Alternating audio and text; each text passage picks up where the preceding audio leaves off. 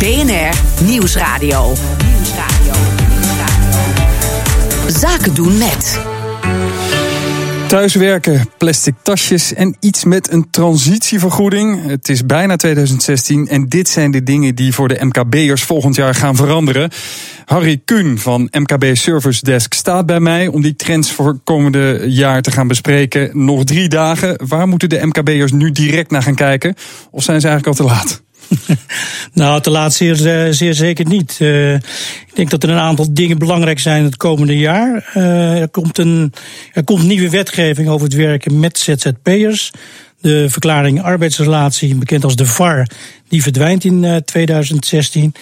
En in het kader van deregulering, beoordeling arbeidsrelaties, zoals het heet, DBA, Um, ja, vervalt de VAR eigenlijk per 1 april 2016. En daar komen zogenaamde modelovereenkomsten komen daarvoor uh, in de plaats. Maar wat moeten MKB'ers dan doen om daarop in te spelen, om het vervallen en wat er voor in de plaats komt? Nou, voorlopig hoeven ze nog niks uh, te doen, want er geldt een overgangsregeling vanaf nu tot uh, 1 april 2016. Maar daarna, als opdrachtgevers, ondernemers met ZZP's willen samenwerken, dan is het toch wel raadzaam om gebruik te maken van de zogenaamde modelovereenkomsten, die um, eigenlijk getoetst zijn door de Belastingdienst. En um, waardoor dan een opdrachtgever weet dat hij geen loonheffing hoeft, uh, hoeft in te houden. Ja, want dus, anders gaat het je, kan het je veel geld kosten. Hè, als ja, dan kan het in feite dan eh, veel geld kosten, want het zou dan betiteld kunnen worden als een uh, arbeidsrelatie. En dan ben je natuurlijk verplicht als uh, opdrachtgever om loonheffing onder andere in te houden. Ja, dus let erop, zeker uh, als die transitiefase voorbij is. Een andere trend wordt misschien wel het thuiswerken. Dat is al jaren, uh, hebben we het erover met z'n allen. Ik mag als baas eigenlijk niet zomaar weigeren als iemand een dagje niet op kantoor wil komen. Maar daar gaat wel wat in veranderen. Uh, nou ja, in die zin gaat er wat, uh, wat veranderen. Het uh, flexibel werken is natuurlijk eigenlijk al een, al een trend, als je dat zo mag, mag noemen, wat een aantal jaren geleden in gang is, is, is gezet. En nu heeft de wetgever zich daar ook mee, mee bemoeid. Door middel van de, de wet aanpassing arbeidsduur uh, te, te, te wijzigen in de wet flexibel werken. Nou, wat houdt dat feitelijk in? Dat werknemers op een gegeven moment ook bij, haar, bij hun werkgever een verzoek mogen doen om naast arbeidsduur uh, ook een verzoek in te dienen om de arbeidsplaats uh, te, te, te wijzigen, zou ik maar zeggen. Nou ja, concreet houdt dat in dat er mogelijkheden gecreëerd uh, worden om flexibel dus thuis ook te gaan, te gaan werken. En hoe vaak moet je dat dan als werkgever toestaan? Nou, in feite moet je dat, uh, kan een werknemer dat verzoek uh, indienen. En uh, een werkgever moet daar serieus naar, naar kijken. Hij, moet dus, hij kan het weigeren, maar dan moet het echt wel zwaarwegend belang hebben. Gegronde redenen? Ja, nou ja, gegronde redenen. Ik zou kunnen denken aan roostertechnische problemen of aan zaken met betrekking tot, tot veiligheid. Je kan je voorstellen als iemand niet op de werkplek is in bijvoorbeeld een fabriek, dat dat ten koste zou kunnen gaan van de, van de veiligheid. Ja, dus je moet in gesprek daarmee mee als uh, ondernemer met je personeel die dat zou willen. Um, een ander punt is ook die AOW-leeftijd. Die uh, gaat natuurlijk weer een beetje omhoog. Um, tegelijkertijd wordt het ook wel weer gemakkelijker maakt, gemaakt voor AOW'ers om aan de bak te komen natuurlijk. Dus dat werkt een beetje op elkaar in. Ja, nou ja, goed. Uh, we weten van de, de stappen die gemaakt worden met betrekking tot het verhogen van die AOW-leeftijd. Uiteindelijk moet dat in 2021 op 67 jaar terechtkomen. En het is nu zo dat uh, ja, de wet is aangepast met betrekking tot de doorbetalingsverplichting. Uh, met, uh, ja, als AOW'ers ziek zijn. Um, ondernemers of werkgevers moeten hun werknemers bij ziekte minimaal twee jaar doorbetalen. Nou, je kunt voorstellen dat dat bij AOW'ers wellicht een groter risico is. En daar heeft men dan nu de wet aangepast. En dat risico wordt beperkt tot 13 weken, waarvoor die doorbetalingsplicht uh, geldt. En daarnaast is er dan nog een, uh, een vangnetje van 13 weken uh, middels de ziektewet, waar eventuele AOW'ers dan in zo'n situatie een beroep op kunnen, uh, kunnen doen. Dat betekent dat het voor ondernemers gemakkelijker wordt, uh, minder risico heeft om dit soort mensen in dienst te nemen. Nou ja, goed, de drempel om goede AOW'ers in dienst te nemen, die toch over het algemeen veel kennis en ervaring hebben, die wordt daarmee wel, wel verlaagd. En er zit ook een ander aspect aan, tegelijk in die, in die wet, dat bij eventuele reorganisaties ja, jongeren voorgaan in de zin dat de AOW'ers er dan als eerste ja, eruit gaan, laat ik het zo zeggen.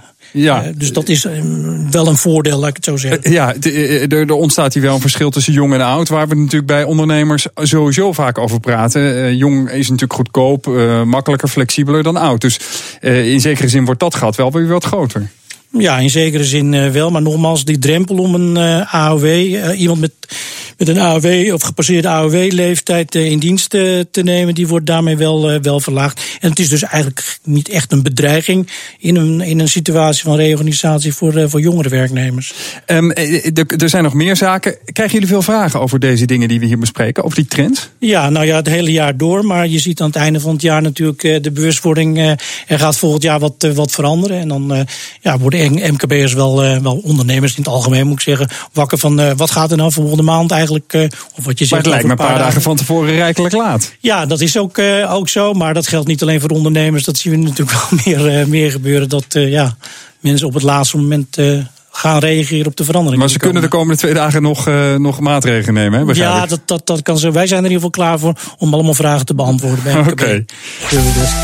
Ja, want is het nou wel of niet slim om iemand in dienst te nemen in 2016? En voor hoe lang dan? Dat... BNN Nieuwsradio. Zet je aan. Zaken doen met.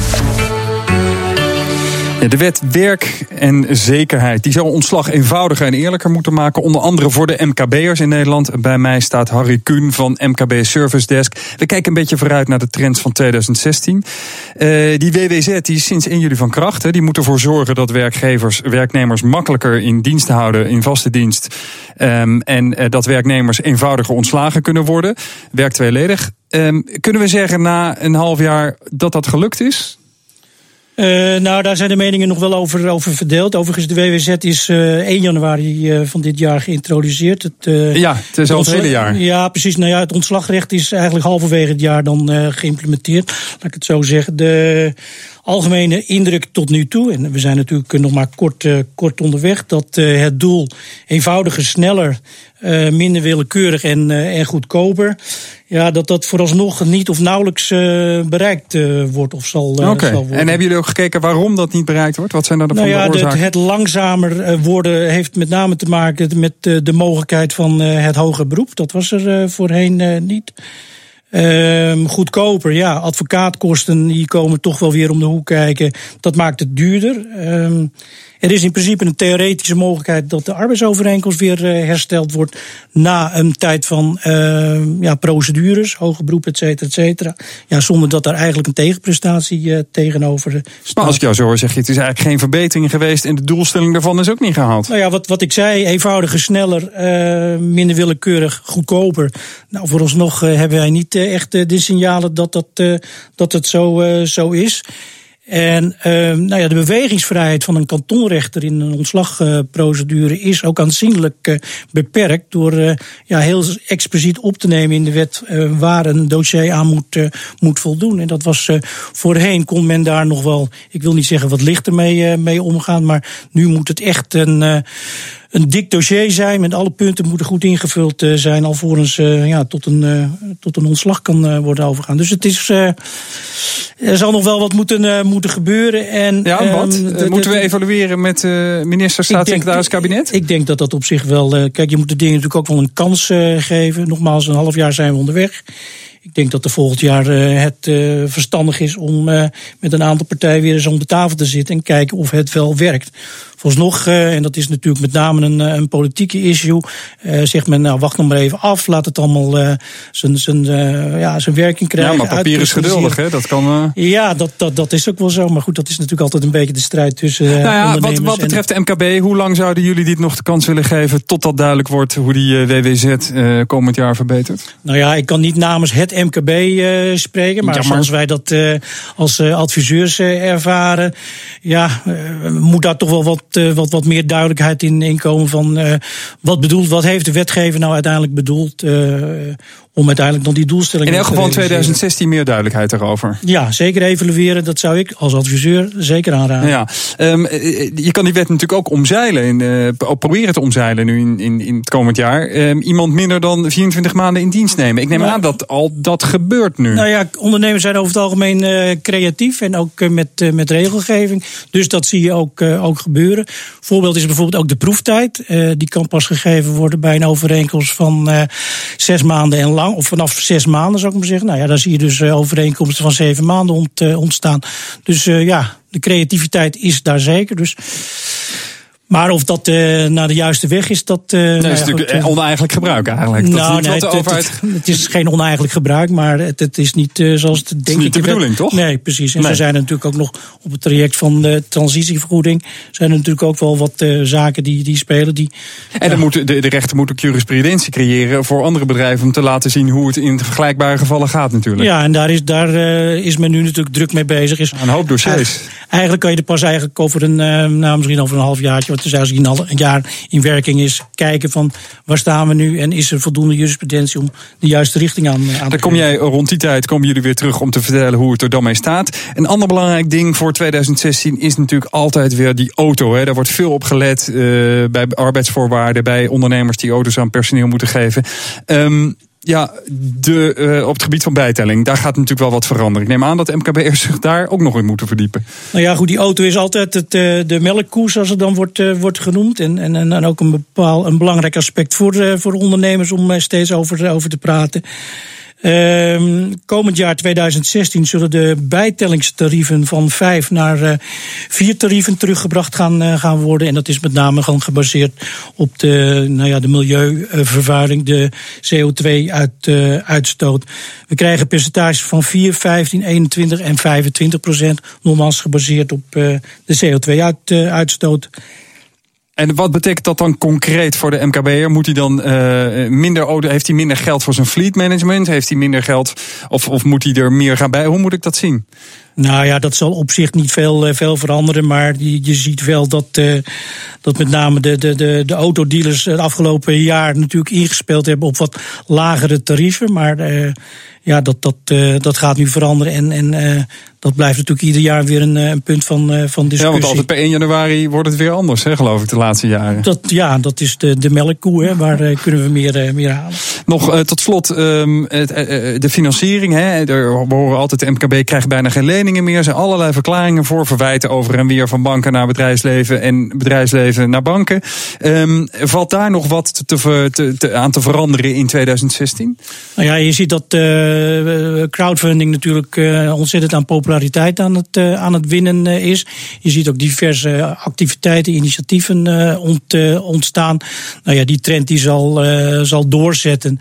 En uh, ja, tegenwoordig is, is financiering niet meer uh, sec het naar de bank toe gaan, maar vaak ook het, uh, het stapelen van diverse financieringsbronnen of financieringsmiddelen. En uh, crowdfunding zal daar zeker nog een, uh, nog een bijdrage Dat verwachten jullie wel voor 2016? Ja, zeker. zeker. Het en da daar mag dan ook wel wat meer regelgeving komen. De Kamer praat erover, de overheid, maar ja. het is nog niet helemaal uitgekust. Nee, maar dat is natuurlijk vaak met nieuwe initiatieven. Uh, waar moet je op gaan, gaan letten? En, en ja, we zitten midden in dat, in dat proces. Maar dat het voor een aantal financieringsaanvragen succesvol kan, kan zijn, dat is inmiddels wel, wel gebleken. Ik dank je wel. En jij komt nog terug met MKB Service Desk om te horen hoe het met die uh, regelgeving gaat rondom die contracten. Dankjewel. Harry Kuhn van MKB Service Desk. BNR Nieuwsradio. Zaken doen met.